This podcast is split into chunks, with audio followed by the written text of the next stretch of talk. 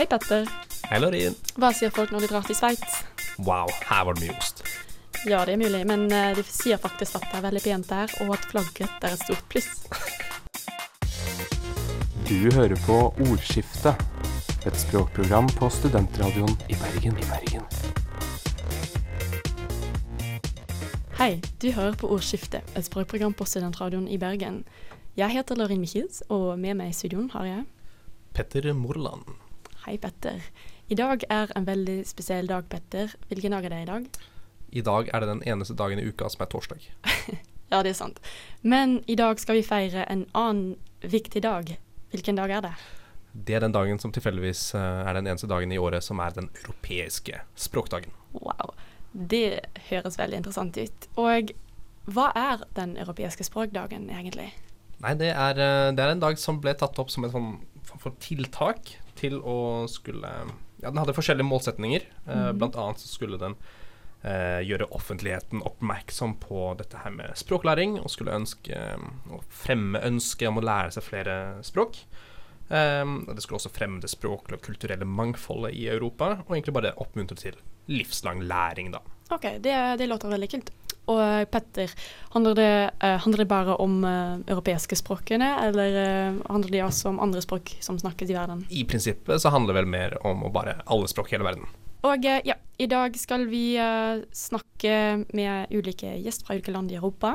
Vi har i studioen eh, Mathilde, som Hei, kommer fra Frankrike, ikke sant? Ja. Ja, Så kult. Eh, vi skal snakke med en belgisk jente, med meg selv. Eh, vi skal også snakke med en finsk jente, Hanna. Hun kommer senere. Og eh, etterpå skal vi snakke med Tiril, eh, vår egen Tiril som er med på ordskiftet. Eh, hun har en eh, rik bakgrunn, eller en dyp bakgrunn i, på russisk, eh, eller i russisk. Så det kommer å bli veldig interessant å få litt informasjon om det. Mm. Og de, de to første innslagene her nå kommer jo til å være på engelsk. Ja. Og så går vi over på norsk etter hvert. Ja. Du hører på Ordskiftet, et språkprogram på Studentradioen i Bergen.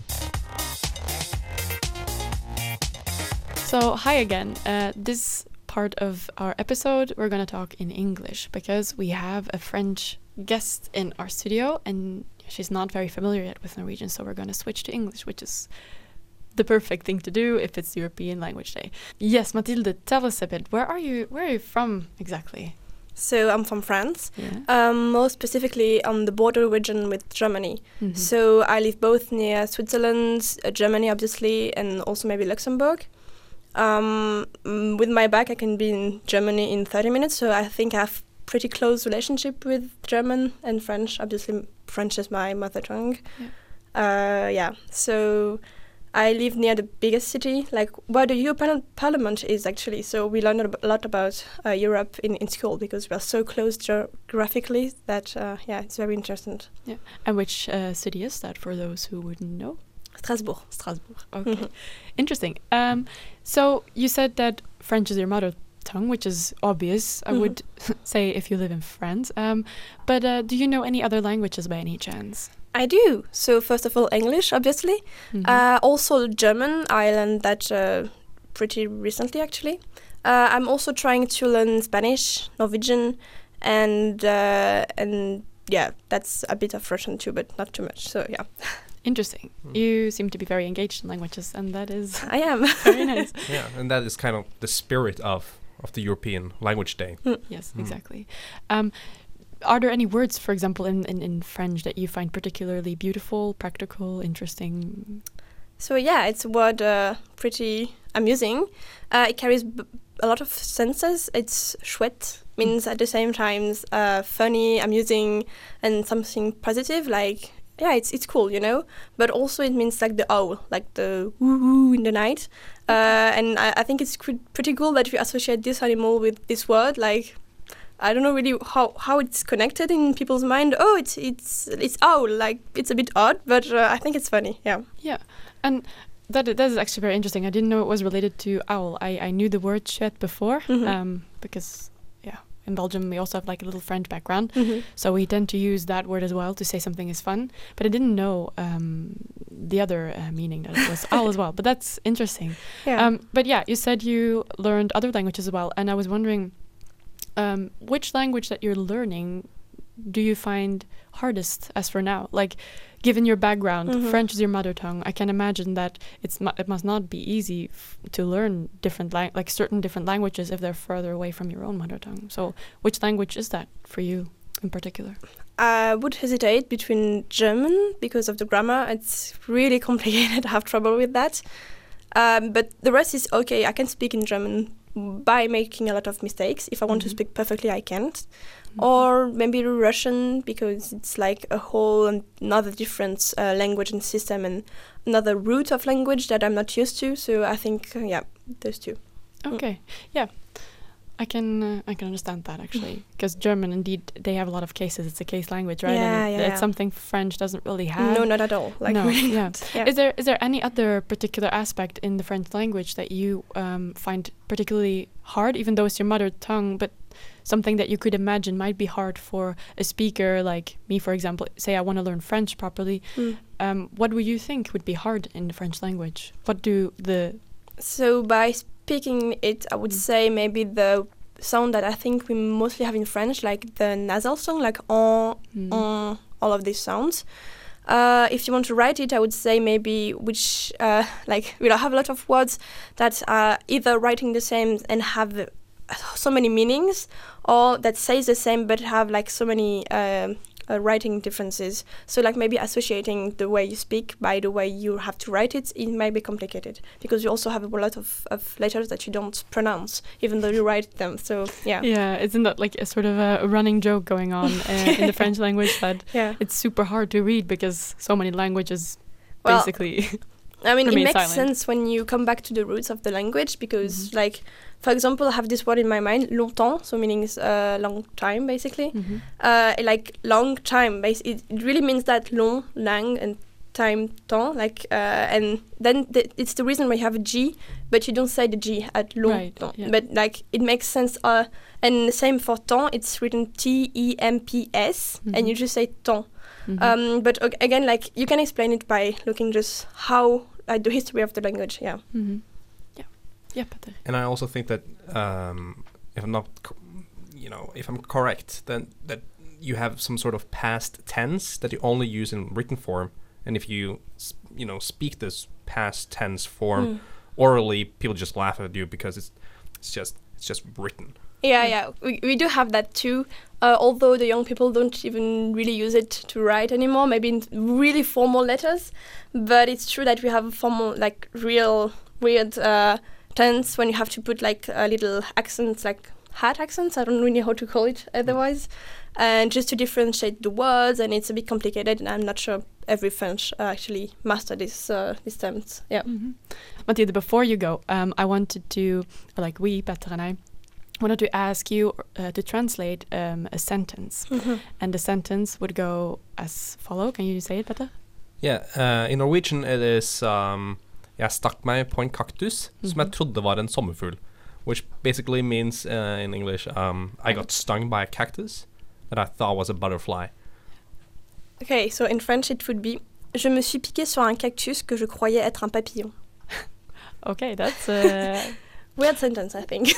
yes, but uh, we wanted to use the sentence sentence because um, cactus is often a word that is not really translated to another word, whereas Mhm. the word for butterfly it has a lot of different translations in a Mm. lot of different languages. So that's pretty interesting. And Mm. yeah. Yeah. thank you so much for coming to our show, Matilda. You're it was. You're really welcome. nice to have you here. It was Yeah. very interesting. Mhm. And uh, yeah, Thanks. thanks. Du lyssnar på Ordskifte, ett språkprogram på Studentradion i Bergen.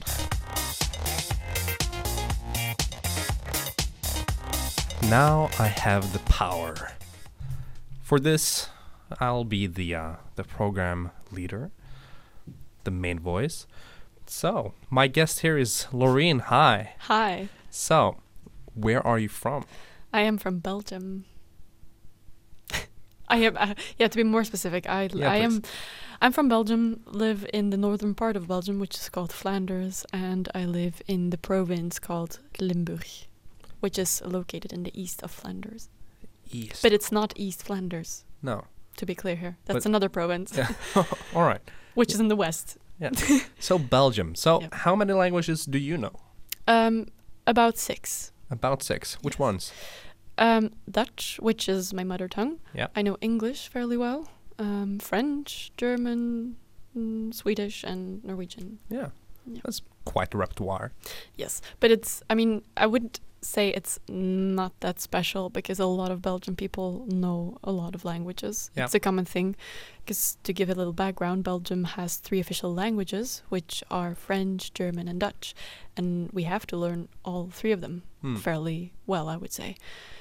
Um, so, you know, if you ask any Belgian, any Flemish person, yes, they will know a little bit of French. If you go to Wallonia and ask a French person, yes, they will know a little bit of Dutch. It might not be very good, but they will have some background in it. And then all the other languages that you learn on yourself or on, in university or, you know, whatever, wherever, those are just extras. And the languages I chose are all related. So it's not it's not that big of a deal. Yeah, so it's kind of like uh, blending when you when you paint a picture. Yes, right? exactly, Yeah, one yeah. one color gliding over Yeah. to the other. Yeah. Yeah. So, uh, do you have a favorite word amongst uh, amongst all of these six languages canvases? Oh, uh, yes. I decided to go for a Dutch word. Um, well, Flemish, Dutch. It's used in both lang- uh, both varieties. Um, I have many favorite words, and it was therefore really hard to pick one. But one that I really like, sound-wise, and also maybe, I don't know, content-wise, is zinderogen. Sinderogen. Zinderogen. Okay.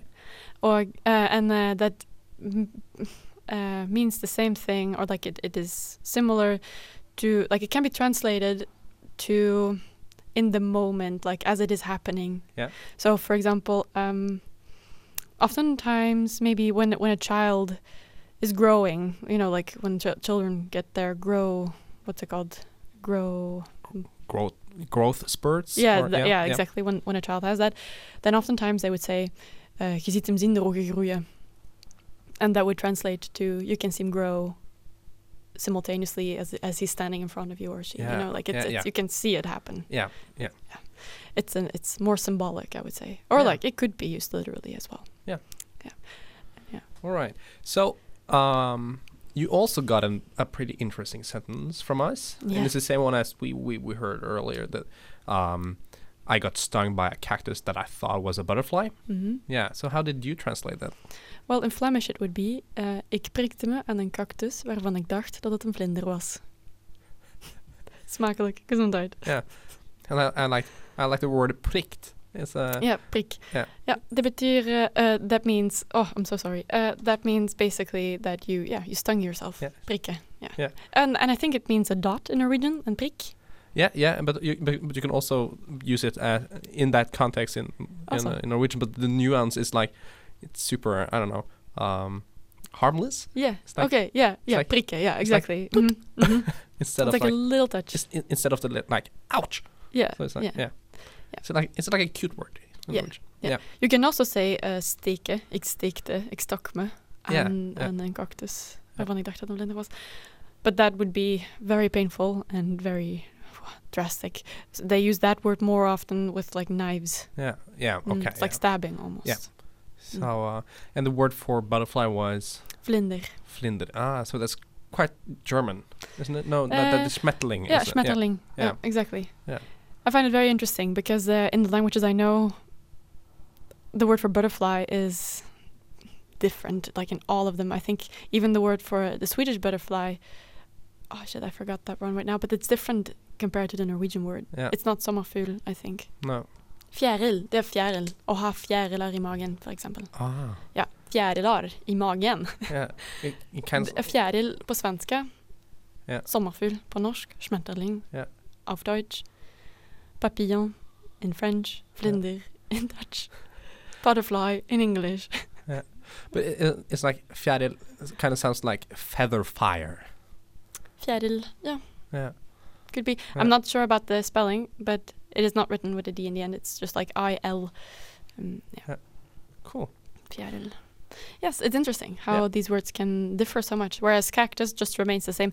I actually think it's because cactus is more like it's a tropical Yeah. term, and it was not really well common to have in Europe when the word should be invented. You know, like say we lived in a place where cactus cacti would be uh, would be normal. or like you know like then it would be normal for us to have an, uh, our own word for it but since it's probably imported or like Yeah, it's, a it's a borrowing long word, yeah. exactly i think that's why it just remains Yeah. cactus in many languages All right. Let's uh let's head over to the to the Finnish Yes. guest. Yeah. Yeah. thank you Du hører på Ordskifte, et sprogprogram på Studentradioen i Bergen.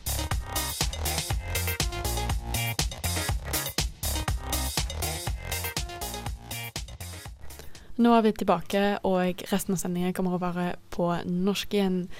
Eh, akkurat nå har vi en annen gjest fra Finland, tror jeg. Er det ikke? Ja, Hei. det er det. Jeg heter Hanna, Hei, Hanna. og jeg er født i Finland. både her til jeg var tre, og så er jeg vokst opp resten av livet her i Norge.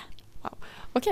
uh, så Hanna, du er fra Finland, men er finsk modersmålet ditt, eller er det et annet språk? Uh, hovedsakelig var jo finsk morsmålet mitt, og jeg snakker det fortsatt hjemme. Men ettersom årene går, så har jeg sakte, men sikkert jeg tror ganske fort endret morsmålet mitt til norsk. Mm. Mm. Det var jo det jeg brukte i hverdagen, og det var liksom det jeg brukte for å kommunisere. Og det var veldig vanskelig å holde på finsken som noe mer enn det jeg pratet hjemme. Mhm.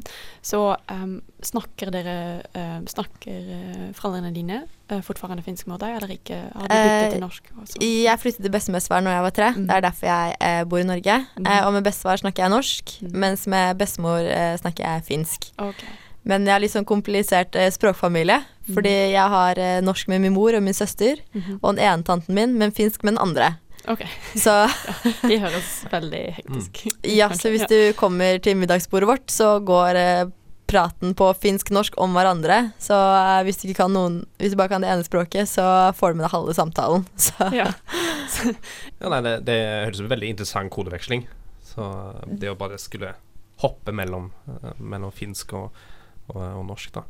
Men Mm. uh, nei, vi har jo spurt eh, våre tidligere gjester om de har et sånn favorittord eller favorittfrase på, på finsk. Uh, eller ikke finsk, da, men i ditt tilfelle på finsk. Altså, jeg har jo alltid syntes finsk har vært veldig stygt språk. Det er veldig monotont. Det høres veldig sint ut. Men et ord jeg, eller en sånn frase jeg alltid syns er veldig fin, er 'jeg elsker deg' på finsk. Uh, og det er bare to ord, og det er 'rakastan sinoa'. Og det, jeg tror det er mer betydningen, og det ikke blir sagt så ofte. Siden på finsk har man egentlig ikke noe 'glad i deg' som vi har på norsk. Eh, Vi har bare 'Akkastein sier noe'. Så det er litt mer sånn Det er ganske høytidelig å bruke det, så det er kanskje Ja. yndlingssetningen min, da, som jeg kan Ja. komme på. Så, eh, så oppveksten så, så hører du ikke så veldig mye glad i deg. Du hører enten 'jeg elsker deg' hvis du har vært veldig veldig flink jente, og så Ingenting bare, bare stillhet ellers. Ja. ja, men altså, vi gir jo mye kjærlighet utenom, da. Enn eh, språket, heldigvis. En klem er En klem. Ja. Man trenger ikke å snakke i- Fysisk under en språk, klem. ja. Mm. Det Mm. finnes også, ja. Um, men Hanna, eh, snakker du også andre språk? Har du, er du vant til å snakke et annet språk som norsk, eller noe sånt? Eh, det er jo norsk og finsk. Det er på en måte mine morsmål. Men så har jeg også blitt ganske god i engelsk, vil jeg si. Eh, og bruker det veldig mye i hverdagen nå, fordi jeg er seminarleder i et eh, fag som går på engelsk. Og da kommuniserer jeg veldig mye med internasjonale studenter, som også kan være litt sånn språkbarriere, siden eh, vi kan jo ikke alle ord på engelsk, noen av oss. Så da har det vært greit å faktisk kunne noen fraser. Jeg kan litt fransk. Hadde fem år på eh, skole med det. Fem år, tre år på ungdomsskolen og to år på videregående. Men eh, det jeg kan, jeg kan si hvor gammel jeg er, hva jeg heter, og kan du prate, prate, prate engelsk? Ja, men så bra, ja. det, det er sånn tu parles anglais. Mhm. Og lenger enn det kommer jeg ikke så, Så kan vi bytte til engelsk, liksom. Ja. Tu parles anglais? Ah, oui, OK, let's talk English then. Ja, Uh, og så kan jeg bestille det. Uh, je voudrais une café au lait. Ah, très bien, oui. Mm, det, Så gøy. Så det er veldig bra. Det er praktisk å eh, vite når man eh, drar til Frankrike. mm. Jeg kan kjenne meg litt igjen der. Jeg har jo hatt fem år med spansk, og jeg kan jo si veldig lite. Det er liksom vamos a la playa, men jeg liker jo ikke å være på stranden, så jeg får jo ikke brukt det. Men eh, på spansk kan man si eh, eh, una cerveza, por favor. Den, den er viktig. Mm. Den tror jeg kanskje er viktigste. Og la cuenta. Kvitter. okay. Det er regningen Ja. når du er på restaurant. Mm. Det, Ja, deg, har du de to setningene, så føler jeg du klarer deg ganske bra i uh, Spania. Uh, men uh, i Finland derimot, så er det sånn uh, Uxkalia, sier man da. En øl. OK. Er det? Mm. OK. Det er veldig direkte, ikke sant? Det, Uxkalia. eh, ja. Det er ikke så mye 'kan jeg få', eller Men det, det er jo litt med eh, hvordan setningen blir bygd opp på finsk, da. Vi har jo ikke preposisjoner, for eksempel. Mm. Eh, og vi har jo ikke til og fra. Jeg vet ikke Akkurat, helt hvilken ordgruppe det er i. Så alt blir bøyninger. Vi bøyer jo alle substantiv Ja. når vi prater. Det har jeg hørt også at det finsk er, eh, det er et ikke-indoeuropeisk språk. Altså det er et finjugrisk eh, Det tilhører den finjugriske språkfamilien, liksom. Og em, er det ikke sant at det finsk er et agglutinerende språk, så at de har mange gaser? 16 gaser, tror jeg, ikke sant? Rundt det, ja. Ja, så det er veldig mange, men dere bruker ikke preposisjoner eller sånne ting, for gasene uttrykker det. Ja. Eh, når jeg var liten, hadde jeg veldig problemer med å huske hva som var hva. Uh, for vi måtte alltid spørre kan jeg gå fra bordet. Mm. Uh, og jeg husker aldri hva, hvilken ending det var, så jeg spurte veldig ofte om jeg kunne gå av bordet. Ja. Og da var det sånn nei, du kan ikke gå av, men du kan gå fra. Det er veldig, veldig søtt. Mm. Um, ja. Men uh, før det går, uh, kan du oversette en setning for oss? ja. Ja, du har jo også fått den setningen med Det har jeg. eh, Jeg uh, stakk meg på en kaktus som jeg trodde var en sommerfugl. Ja, eh, jeg klarte dessverre ikke å oversette den alene, så jeg måtte jo ringe hjem til bestemor eh, og spørre om dette. Og så spurte jeg da, hvordan oversetter jeg dette her, og hun lo litt. For det er sånn Ja, hvordan oversetter man dette her? Fordi vi har jo ikke den der 'jeg stakk meg' og bla, bla, så vi måtte Hvis jeg skal Jeg kan si det på finsk først. Eh, pistin sormen kaktuksen jotalulin perhoseksi. Det er jo. Oh. Perhoseksi. Eh, og det som er Jeg sier 'stakk fingeren kaktusen på'. Mm. Hvis jeg skal eh, Fordi det var ingenting som var 'jeg stakk meg'. Vi måtte bruke liksom finger for å på en måte illustrere det samme. Ikke sant? Mm. Eh, og så er det bare 'men trodde sommerfugl'. Ja.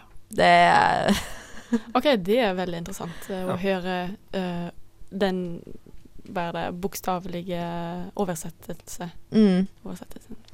Men- Men er da sexy en del av uh, En del av sommerfugl, eller er det på en måte en av de endelsene? det er jo en endelse, fordi perroxen, det er da sommerfugl. Eh, så perrong sexy, det er da sommerfuglen. Ja, ikke sant? Mm. Kult. Interessant. Så ja. Det, jeg har tulla veldig mye med de kasusene, men, Mm. eh, og jeg har aldri lært de. Jeg bare kan de. Det er sånn som går det, når man lærer seg et språk det- som modersmål. Ja, Men det er veldig lett å huske nå at uh, alle bestemte former blir jo da sexy på fisk. Ikke alle. Eh, ikke alle, men Nei. mange av de. Uh, hvis vi skal si stolen, så er det uh, Hva er stol igjen på finsk? nå da? Vi kan si bordet, da, for husker jeg. Det er paure. Mhm. Pauren. Da er det n. Mm. Eh, så det er veldig eh, Og det samme med stolen, nå kommer vi på det. Toale. Toalen. Så ja. Men så må jeg påpeke bestemor sa jeg måtte påpeke Jeg snakker ikke ordentlig finsk. Hun sier at jeg snakker kebabfinsk. Så Nice. OK, uh, men eh, takk. Tusen takk at Takk. du kom uh, til programmet vår, vårt. Og ja. takk, takk. ja. Du hører på Ordskifte, et sprogprogram på Studentradioen i Bergen.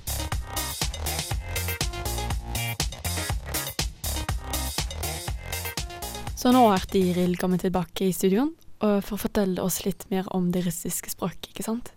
Det har jeg. Ja. Eh, som folk kanskje har fått med seg, så er jeg kanskje over gjennomsnittet interessert i Russland og russisk språk. Men eh, det jeg skal snakke om i dag, det er eh, både på grunnlag av den europeiske språkdagen som vi feirer i dag, Mm. men også med tanke på verdensdagen for tegnspråk, som var på mandag. Kult. Altså 23. september. Det syns jeg er så bra, fordi man glemmer ofte det, at tegnspråk språk er også et språk. Man må huske det, at, det, at man kan også lære seg tegnspråk i stedet for et uh, fonetisk eller snakket språk. Ja. Mm. Og så er det jo veldig interessant at vi har to markeringer på samme uke, da. Mhm. ja. det det er er gøy. Perfekt. Men Ja. eh, ja, fortell Utif- oss gjerne ja. mer, kanskje. Ut ifra dette så har du kanskje skjønt at jeg skal snakke om russisk tegnspråk. Eh, og eh, først for å bare avklare litt ting, så er det en vanlig misforståelse at man tenker at tegnspråk er et internasjonalt språk, noe som kanskje verdensdagen for tegnspråk kanskje er med på å gjøre, lage litt misforståelser rundt. det. Men eh, det er altså slik at tegnspråk det er like komplekst og naturlig som eh, hvilket som helst annet språk. Mm -hmm. Vokser fram pga. at man har et behov for å kommunisere med de rundt seg, og det skjer jo bare rundt eh, samfunn hvor man har folk som er døve, da, så da Men det finner man jo Mhm. Ja. stort sett i fle de fleste land, så eh, Men det som er gøy med det russiske tegnespråket, eller tegnspråket for å være helt eh, korrekt her, så eh, Eller kanskje mer interessant er at i Russland så har man to typer tegnspråk som har ulik rang. På grunn av historiske årsaker. Har uh, disse to tegnspråk tegnspråkene har de et navn, eller uh, hvordan kan man uh, gjøre eh, forskjell på disse to? Hvordan skiller man de? Ja, Ja. Exakt, Ja. Um, der um, Man kaller det ene for signed language, signed Russian, og det andre kaller man for Russian sign language. Eh, Veldig tydelig. ja, veldig tydelig.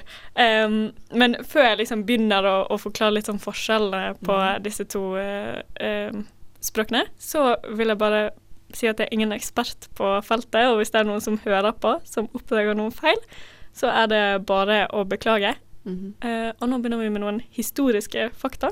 Okay. For uh, den første skolen for døve i Russland den kom i 1806. Uh, noe man kanskje kan si er litt, litt seint, men um, eh, Og der var det russiske tegnspråket ganske påvirket av det som kalles oralisme, som eh, er i motsetning til s- tegnspråk på en måte et håp om at man kan kurere døvhet, da. Ja, okay. um, mm. Men det ga man jo ikke. Nei, Nei. fordi at man tenkte da at man skulle lære å snakke selv om man ikke kunne høre. Uh, ettersom tegnspråk på den tiden ble sett ned på. Ettersom man assosierte ges- gestikulering og disse håndbevegelsene med folkeslag som jødene, italienere og franskmenn. uh, dette fra et engelsk, engelsk og tysk perspektiv, da. Uh, og det russiske tegnspråket ble ganske preget av eh, den tyske metoden, da, Ja, fra mm. 1800-tallet. Mm. Ja. Em, Jeg tror også bare at eh, Jeg tror at eh, man kan bare lære seg å snakke når man, når man blir døv senere.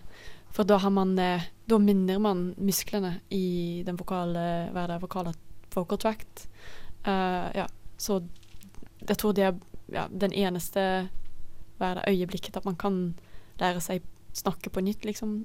For Ja. å trene minnet uh, som man hadde fra før, uh, når man kunne snakke. Men det er interessant at de bruker uh, et språk som vil lære deg å vil lære en døve å snakke når man har aldri snakket i livet. Det kult. Men eh, ja.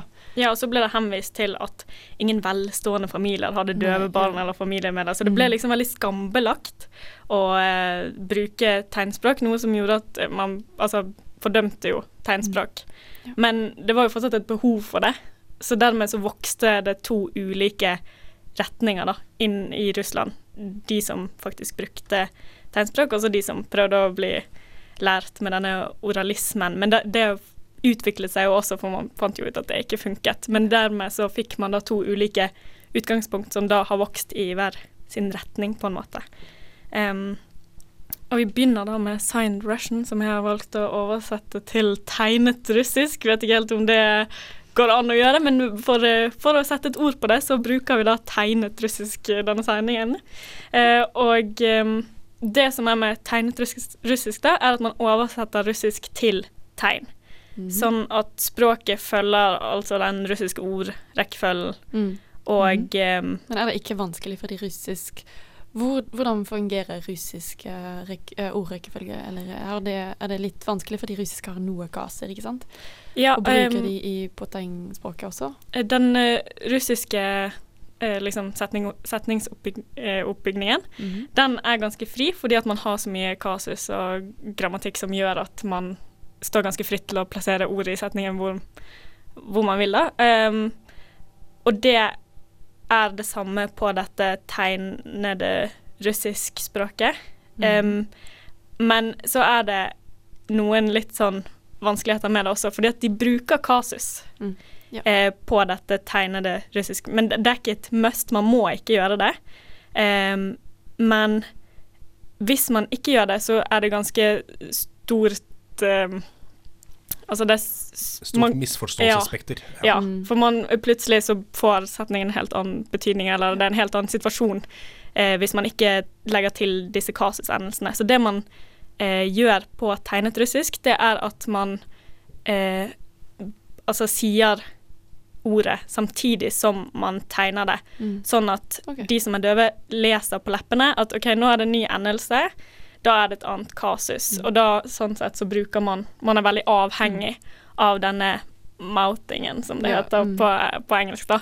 Eh, men man kan også eh, For man har jo et alfabet hvor man eh, te, altså Mhm. signer eh, alfabetet, da, og da fingerstaver man på en måte endelsene på slutten av tegnet hvis man vil presisere kasusbruken. Det okay, høres okay. veldig komplisert ut. Ja. Eh, og det er jo Altså, det er mange likheter mellom sign russian, eller tegnet eh, russisk, og det faktisk russiske språket, ettersom man bruk, altså kan ta i bruk kasus, og at man har på en måte bare oversett satt russisk til tegn, mens eh, russisk sign language, det er liksom mer fritt og bruker for eksempel Hvis man eksempel skal si bra på russisk tegnspråk, så eh, vil man bruke tommel opp eh, på Russian sign language, mens man vil ta utgangspunktet i selve ordet og eh, fingerstavelser for å vise dette på signed Russian. Um, så det er liksom Det som jeg syns er det mest spennende med det, da, er at signed Russian, eller tegnet russisk, er på en måte en bro mellom Russian sign language og det faktisk russiske språket, Ja. og at de er litt flettet inn i hverandre, da. Det er, en, ja, det er interessant. Um, ja, vi hadde også um, Vi lurte på hvis du har et favorittord på russisk, kanskje. Som du Oh. liker eller syns er veldig praktisk å bruke. Eller, ja.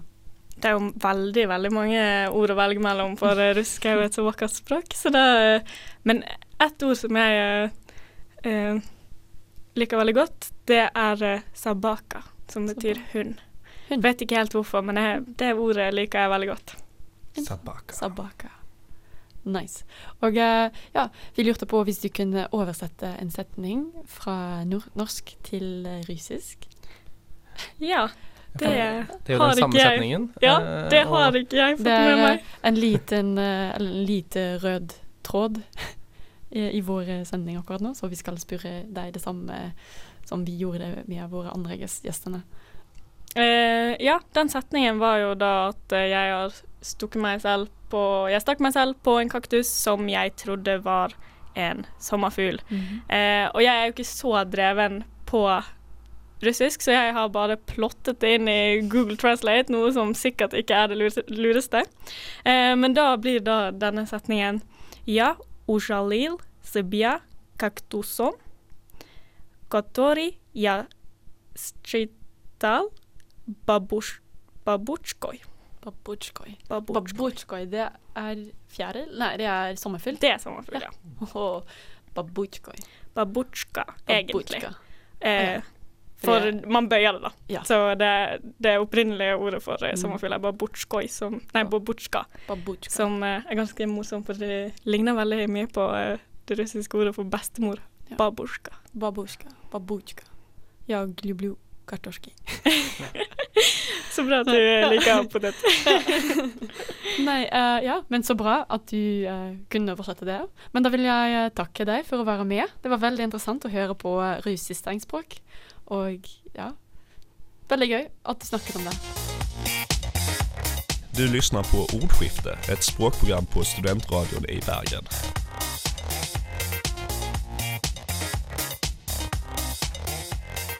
Da er det på tide med konkurranse. Eh, og det er eh, Jeg har oversatt noen eh, sanger til, til norsk. hvor titlene er alle sammen et ikke-engelsk eh, ikke, ikke-engelsk tittel. Så gjelder det bare å gjette hvem som Altså gjette hvilken sang det er, og hvilken artist som står bak. Og taperen, eventuelt begge to hvis det blir likt, må da snakke på australsk i outroen. Oi. Wow. Okay. Oh, dette, No dette må jeg vinne. All right, er dere klare? Ja. Jeg digger det når du kaller meg lille frøken. Jeg skulle ønske jeg kunne Eh, late Tiril, som Tiril. Uh, Senorita med Sean Mendes og uh, Camilla eh, Helt riktig. helt ja. riktig dette, her, dette her var grunnen til at jeg ikke hadde lyst til å være med sjøl, for at jeg hadde bare tapt. Og hvor mange, hvor mange finnes det? Tre? Det, det finnes tre. Oi. Sånn okay. er stillinga én. Mm. Ok, Sang nummer to. Ikke forlat meg. Du må bare glemme. Alt kan glemmes, som likevel svinner hen. Glem tiden, misforståelsene og tiden som er borte. Prøver å forstå hvordan disse timene kan glemmes, de som er så smertefulle av og til, med spørsmålet 'hvorfor' som smeller som slag. Hjerte av lykke. Ikke forlat meg. Ikke forlat meg. Ikke forlat meg. Ikke forlat meg. Har du noen som helst idé? Ja, jeg aner ikke. Jeg, har, jeg aner ikke, faktisk. Nei, Jeg har ingen Ikke aning. heller. Kan Eh, du, kan du eh, si språket Det- den egentlig er på, da. Fransk. Fransk. Oi. Den er på fransk. Oi, oi, oi. Ne me quitte pas de Jacques? Is? Yes! Oi, oi, oi. Å, Han er jo til og med belgisk, så jeg tenkte Ja, det var ja, men takk. det Det er gøy. OK. Så da er det Ja, jeg 1-1. tenkte på engelsk. Jeg har vært oversatt til engelsk, liksom. Ja. Ja, men OK, kult. All right. Uh-oh. Siste sang. Mm. Ja, du vet jeg har sett på deg lenge. Jeg bare må danse med deg i dag. Jeg så at ditt blikk kalte meg til seg. Vis meg veien jeg skal gå. Du er magneten og jeg er metallet. Jeg kommer nærmere og lager meg en plan, bare tanken på det får pulsen min til å stige. Allerede nå digger jeg det mer enn normalt. Alle mine sanser trygler om mer. Ta det imot uten noe trøbbel. Sakte. Jeg vil puste inn lukten av din nakke, sakte. La meg fortelle deg ting i ditt øre, slik at du husker at du ikke er med meg. Ja, ingen Ingen anelse. Sakte. Jeg vil strippe deg med bruken av kyss, sakte. Signere veggene i din labyrint og lage av din kropp et manuskript. Wow, det er veldig poetisk, men jeg har ingen aning. Hvilket språk var original, originell Originalspråket. Eh, det synges på spansk. Oi. ja. Oi, oi, oi. Jeg, jeg tenker jeg kan telle, Mm. telle ned fra ti, og hvis uh, dere ikke klarer det da, så må begge to snakke østlandsk. OK, uh, er det bailando? Ni. Er det Det er ikke bailando. Jeg kommer ikke på noen spanske sanger. Eh, Det er helt stille. eh, Fem, panikk. fire, tre Nei, jeg aner ikke. Ikke heller. Ja, ja. Det får bare bli sånn. Despacito. Nei! Tuller du? Om det er Despacito Åh, Men Despacito er jo liksom eh, Ja, OK, det er Senorita også. Tenkte liksom borti ja, eh, fra Porto er Puerto Rico ja. Men det synger jo på spansk, altså. Ja, det Eller portugisisk. Ja. ja. Er det geography det- det straight, spansk. så Mm. Det er spansk. Men da tapte begge to. Ah. For begge to fikk likt. Da tror jeg bare Jeg gleder meg til outroen igjen. nå. OK. Ikke jeg. Ikke jeg. Du hører på Ordskifte, et sprogprogram på Studentradioen i Bergen.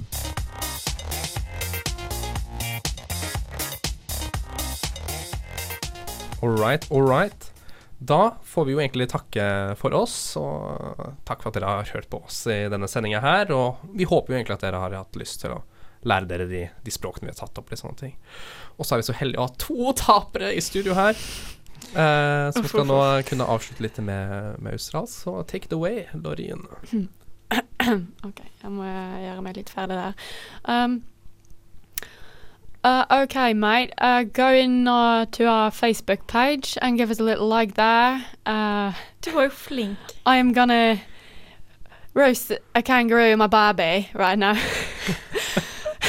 All right. Um, Å, fy søren.